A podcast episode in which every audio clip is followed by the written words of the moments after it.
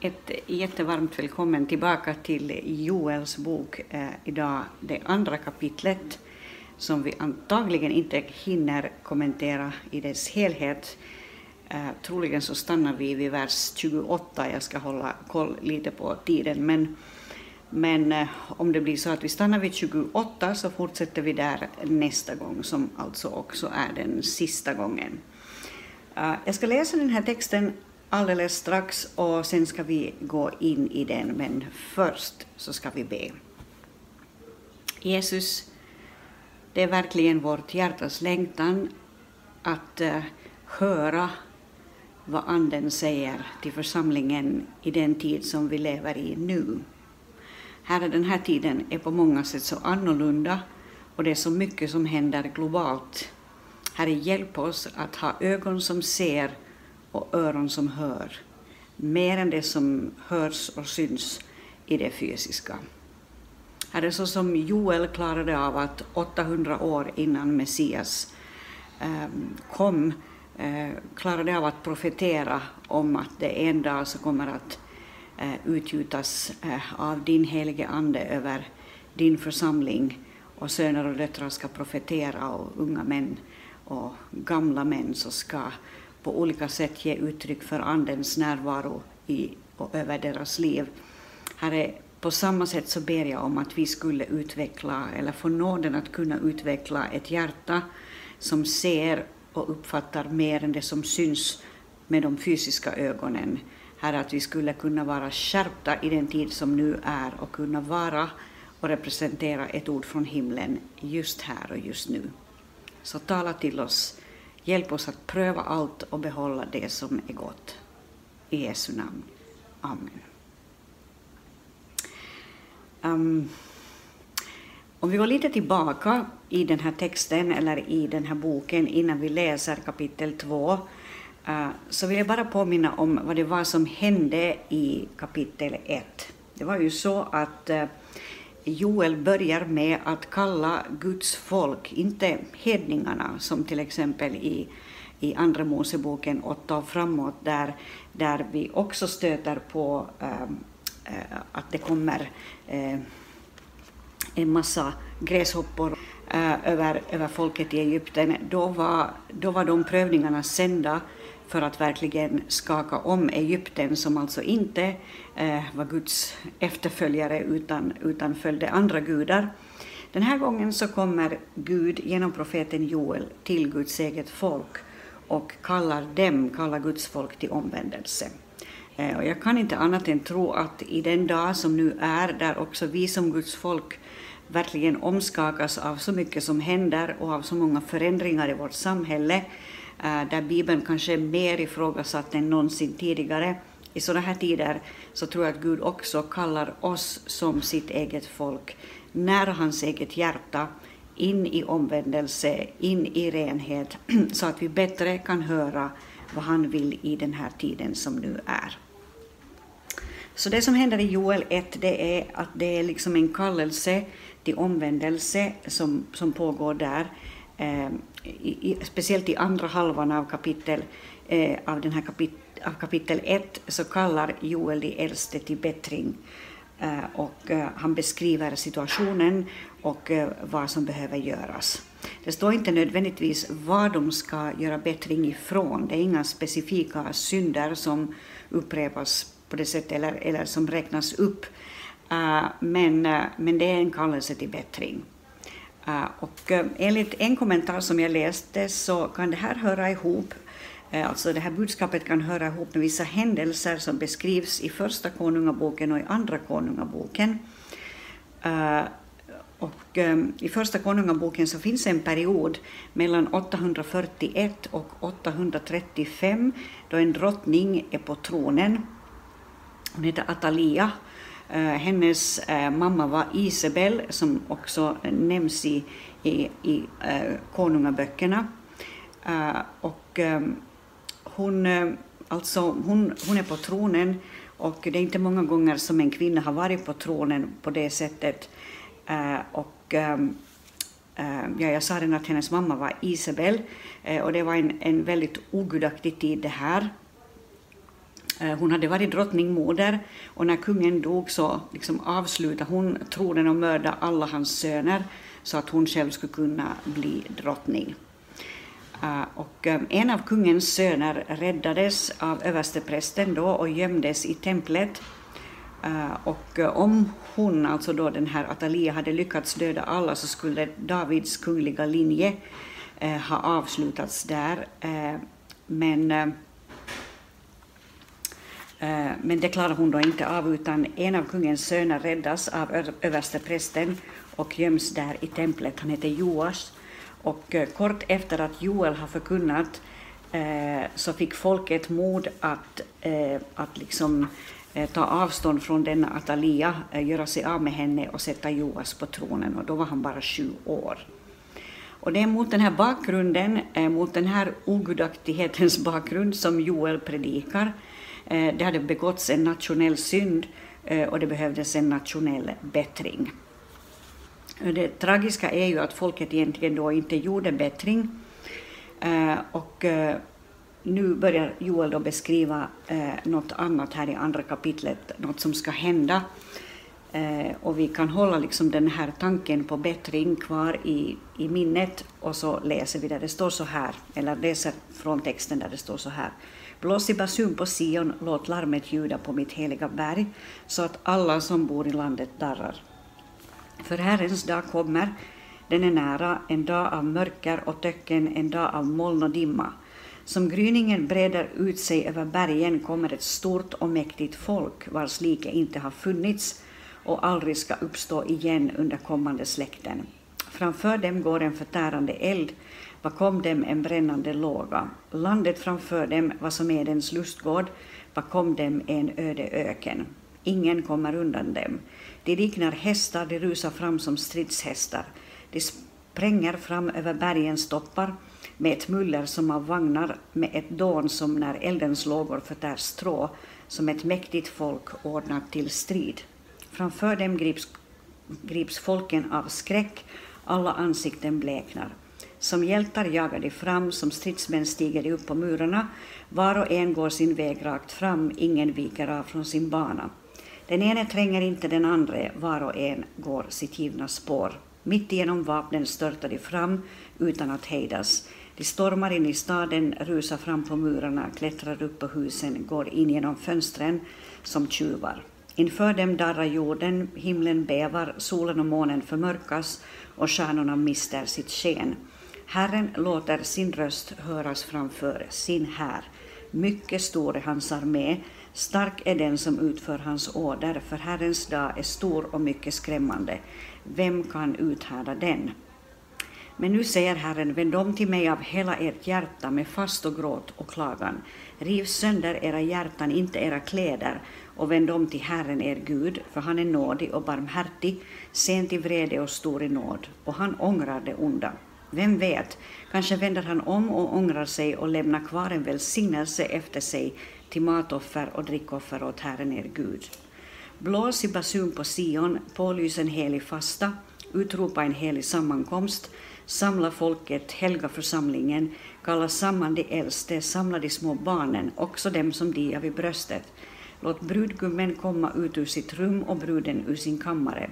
Låt prästerna, Herrens tjänare, gråta mellan förhuset och altaret och säga Herre, skona ditt folk och låt inte din arvedel hånas och bli en nidvisa bland hedna folken.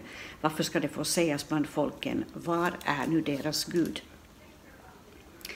Då fylldes Herren av lidelse för sitt land och han förbarmade sig över sitt folk. Herren svarade och sade till sitt folk, Se, jag ska sända er sed och vin och olja så att ni blir mätta, och jag ska inte låta hedning, jag ska inte låta hedna folken håna er längre. Fienden från norr ska jag driva långt bort från er. Jag ska driva ut honom till ett torrt och öde land, hans förtrupp till havet i öster och hans eftertrupp till havet i väster. Stank ska stiga från honom, ja, vidrig lukt ska stiga från honom, för han har gjort stora ting. Var inte rädd, du land. Jubla och gläd dig, för Herren har gjort stora ting. Var inte rädda, ni markens djur, för ödemarkens beten grönskar och träden bär sin frukt. Fikonträden och vinstockarna ger sin rikedom. Jubla ni Sions barn, gläd er i Herren er Gud, för han ger er läraren till rättfärdighet. Han ska sända er rikligt med regn, både höstregn och vårregn som tidigare. Så ska tröskplatserna fyllas med sed och pressarna flöda över av vin och olja. Jag ska gottgöra er för åren som åts upp av gräshopporna och gräsbitarna, av gräsätarna och gräsgnagarna, den stora här som jag sände ut mot er. Ni ska äta och bli mätta och ni ska lova er ni ska lova Herren, er Guds namn, han som har handlat så underbart med er, och mitt folk ska aldrig mer komma på skam. Ni ska förstå att jag är mitt i Israel, att jag är Herren, er Gud, och ingen annan, och mitt folk ska aldrig mer komma på skam. Och där stannar jag. Nu är jag vid vers 27, eller vi läser till och med 27. Det är alltså mot den här bakgrunden som jag beskrev i början som Joel profeterar. Det hade begåtts en nationell synd och nationell bättring krävdes, men folket eh, eh, gjorde inte bättring. Eh, och nu börjar Joel då beskriva något som liknar något som liknar de gräshoppor som han beskriver där i början. Eh, eh, men, men eh, det kommer fram ganska tydligt här lite senare, det fanns i vers ehm, 11 och framåt, att Herren låter sin röst höras framför sin här. Så det som Joel beskriver i början av andra kapitlet här, det ser ut att handla om Herrens här. Eh, Herrens här som, som har många fantastiska drag. Eh, Herrens här som kommer för att kalla folket till omvändelse, ja. Eh, så vi ska inte läsa det här enbart som, eh, och vilket kanske ofta händer när vi citerar just den här texten, hur, hur den här hären liksom rusar fram och var och en går sin givna bana och den ena tränger inte den andra och så vidare. Det är ju en väldigt så här stimulerande och fantastisk bild och det är lätt att på något sätt eh, missa tanken varför den här hären kommer. Den här hären kommer därför att eh, Guds folk kallas till bättring. Joel liksom upprepar budskapet om att eh, det finns ett behov av omvändelse Eh, det gjorde han ju väldigt tydligt här i vers 12 och framåt. Om vi hoppar dit, han säger riv sönder era hjärtan, inte era kläder. Alltså, det Gud är ute efter nu och det Gud är ute efter alltid, det är inte den här ytliga omvändelsen där vi bara liksom klär oss i säck och aska för att det ska se ut som att vi omvänder oss, eller att vi bara formellt omvänder oss genom att be en formell bön om förlåtelse, utan han säger riv eh, riv sönder era hjärtan. Alltså verkligen låt liksom allt inom er bara på något sätt uttrycka det här hur ledsna ni är över att ha gjort fel mot Guds vilja. Och uh, han är samtidigt väldigt mån om att, att poängtera att han, att han, Herren, är nådig och barmhärtig, sen till vrede, stor i nåd och att han ångrar det onda. Så att när Guds folk gör bättring, river sönder sina hjärtan eh, och vänder om till Herren, så kommer han att vara nådig och barmhärtig. Och det här ropet om omvändelse, det är någonting som ska basuneras ut på Sion, det ska pålysas som en helig fasta, utropas som en helig sammankomst, och alla ska komma, från de allra äldsta till de allra minsta. Samla folket, helga församlingen, kalla samman de äldste, samla de små barnen, också dem som diar vid bröstet. Och brudgummen ska komma ur sin kammare och bruden ur sin kammare eh, och de ska alla liksom sätta den här omvändelse det här omvändelseuppdraget eller liksom den här kallelsen till omvändelse ska prioriteras framom alla andra saker man kunde prioritera. Och prästerna ska liksom leda folket i den här omvändelseprocessen. De ska gråta mellan förhuset och altaret och de ska säga Herre skona ditt folk. Om jag får göra en liten parentes här emellan bara och tala lite om omvändelse och om detta att begråta sina synder inför Gud, så, ska kan jag säga så här att jag har varit kristen sedan jag var ungefär 15 år. Och eh, nu kan det hända att jag är ett undantag, men jag är rädd för att jag inte är det. Så så bra tror jag att jag nog känner eh, kristenheten, åtminstone i, det, i, det, i de sammanhang där jag själv har jobbat. Eh, att jag kan säga så här att jag, jag har aldrig under mitt liv egentligen sett människor begråta sina synder inför Gud. kanske någon enstaka som någon gång har uttryckt en sorg över sitt liv. Men inte att man skulle se ett folk som beskrivs här eh, komma samman från de yngsta till de äldsta och där alla på något sätt skulle vara tagna av det här att vi måste göra bättring inför Gud. Jag har aldrig någonsin sett det. Eh, och eh, det här ropet som, som Joel ger uttryck för här, att, att riv sönder era hjärtan, inte era kläder, det kommer liksom från hans eh, starka medvetenhet om det här behovet av, av omvändelse eh, som han hör från Guds hjärta. Och det är ju liksom ofta det som är det typiska för profeterna, att de, de lever liksom med örat mot Guds hjärta och de kan ge uttryck för den smärta som finns på Guds hjärta mycket bättre kanske än, än många andra av de här så kallade tjänstegåvorna. Evangelisten har blicken för, för, för människor och att människor ska få komma till tro och heden tänker på att, att ingen ska liksom känna sig glömd eller sårad eller besviken i Guds församling. Men, men profeten kommer med det här ropet om att eh, nu är det dags att, att göra bättring inför Gud. Så Joel är väldigt tydlig om den här. Och, och före det här, det här omvändelseropet så fanns här då i de här första elva verserna i det här en beskrivning av Herrens armé som kommer eh, och som verkligen är motiverad, som är driven av Gud och som vet vart den är på väg, springer far, fram över bergen, stoppar eh, med ett muller som av vagnar. Det är liksom en, en styrka över Herrens armé och inför dem så darrar jorden, himlen bävar, nu överstiger solen och månen förmörkas, stjärnorna mister sitt sken. Det är som om hela världen skulle bäva inför detta när Gud kommer och kallar till omvändelse. Och det här har ju kristenheten upplevt eh, genom tiden, alltså sådana här väckelsetider då människor verkligen har begråtit sina synder inför Gud.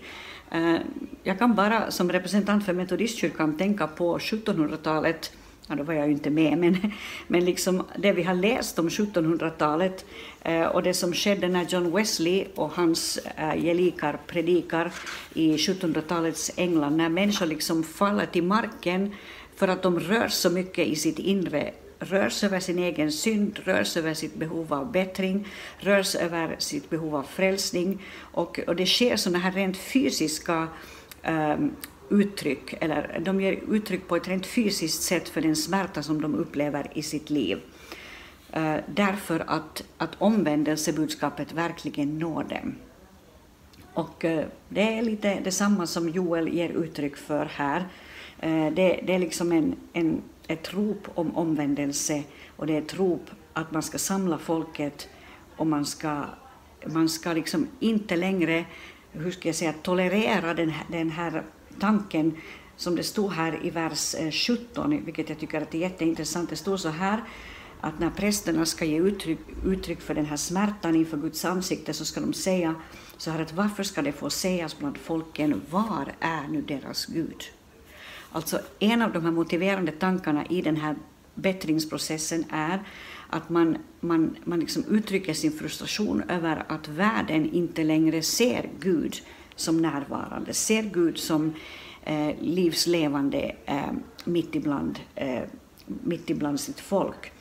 Eh, och, och det här är nog också en, en tanke för oss här och nu att, att, eh, att be över och verkligen ropa till Gud över att låt människor i våra egna städer, låt människor få se att Gud är här. Ingen ska behöva säga i Vasa att var är nu deras Gud? Han syns ju ingenstans. Det märks ju ingenting av honom. Det är ju liksom kyrkorna bara dör. Eh, utan tvärtom så vill vi att det ska bli eh, eh, vanligt att människor kommer till tro och att människor verkligen får uppleva att Gud är här. Så det ska inte få sägas längre bland folken, var är nu deras Gud, utan tvärtom, deras Gud är ju här och han är livslevande mitt, mitt ibland dem. Eh, när vi sen kommer till vers 18 ehm, fram till vers 27 så finns det vissa bibeltolkare som menar att den här delen inte gavs vid samma tid som de tidigare delarna, alltså att Joel har, har, inte har fått det här vid samma tid. Därför att eh, karaktären på texten ändrar lite. Ehm, eh, Joel börjar uttrycka sig eh, med ord som att vara glada, Ehm, och ehm, ja, det stod så här, ehm, var inte rädd du land, jubla och gläd dig för Herren har gjort stora ting. Det var i vers 20, 21. Och, och före det så kom ett löfte om att Herren ska sända sed och vin och olja så att vi blir mätta och inte låta, han ska inte låta hedningarna håna Guds folk längre och fienderna ska drivas bort. Och det är liksom ett uttryck för allt det här att Gud gensvarar när folket gör bättring. Gud kommer starkt när folket gör bättring. Och Gud eh, visar sin hand och kommer med sin godhet. Eh, och han visar sin makt. Och det ska det står till och med att stank ska stiga från honom, vidrig lukt ska stiga från honom, för han har gjort stora ting. Och det är liksom, det är liksom ett uttryck för Guds kraft i rörelse. Och därför, säger Joel, därför så ska vi jubla och glädja oss, för Herren har gjort stora ting ibland oss, och inte vara rädda, eh, för eh, fikonträden och vinstockarna ska ge sin rikedom.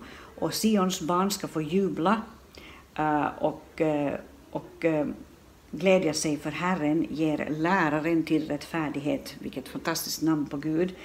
Eh, han ska sända rikligt med regn, höstregn och vårregn som tidigare.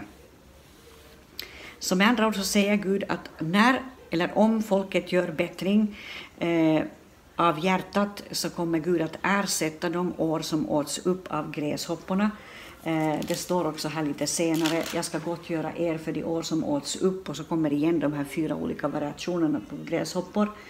Jag ska ersätta er för åren som åts upp av gräshopporna, gräsbitarna, gräsätarna och gräsgnagarna, den stora här, som jag, Herren, sände ut mot er. Eh, och nu kommer han istället då att, eh, att ersätta Guds folk så att, att, att de inte liksom Eh, ja, så att de inte eh, längre behöver på något sätt leva i liksom den här mm, känslan av fattigdom som kom av detta, att allt eh, gick sönder för dem eller liksom att skörden eh, inte längre eh, eller att skörden inte blev till någonting och det bara liksom hela, hela situationen liksom gick sönder på grund av, av den här mm, den här omvändelse, det här omvändelseropet och den här tiden som Gud sände dem in i. Eh, för mina tankar till, ehm, till eh, Jobs bok faktiskt, ehm, där det står så här fantastiskt, där i slutet på Jobs bok, ehm, så här, och jag ska läsa det för dig, i vers 10 och framåt i kapitel 42, Eh, så står det så här, jag tror att jag ska ta vers 12 istället för vers 10. Det står så här att Herren välsignade slutet av Jobs liv mer än dess början. Och så räknas det upp en massa saker som kommer som en välsignelse där på sluttiden av, av Jobs liv. Och eh, eh det är så fantastiskt det som händer när en människa har, har omvänt sig inför Herren och liksom har verkligen eh, låtit Gud få gå över, gå över hennes liv eh, med styrka och, liksom, och där, där han har fått tvätta henne ren från allt som, som inte skulle finnas där i hjärtat. När den här omvändelsetiden har fått gå över i en tid av välsignelse så kommer Gud liksom och strör över med sin godhet så att slutet av livet, så som det beskrivs här i Jobs bok, eh, blir mycket mer välsignat än början även om den också var välsignad.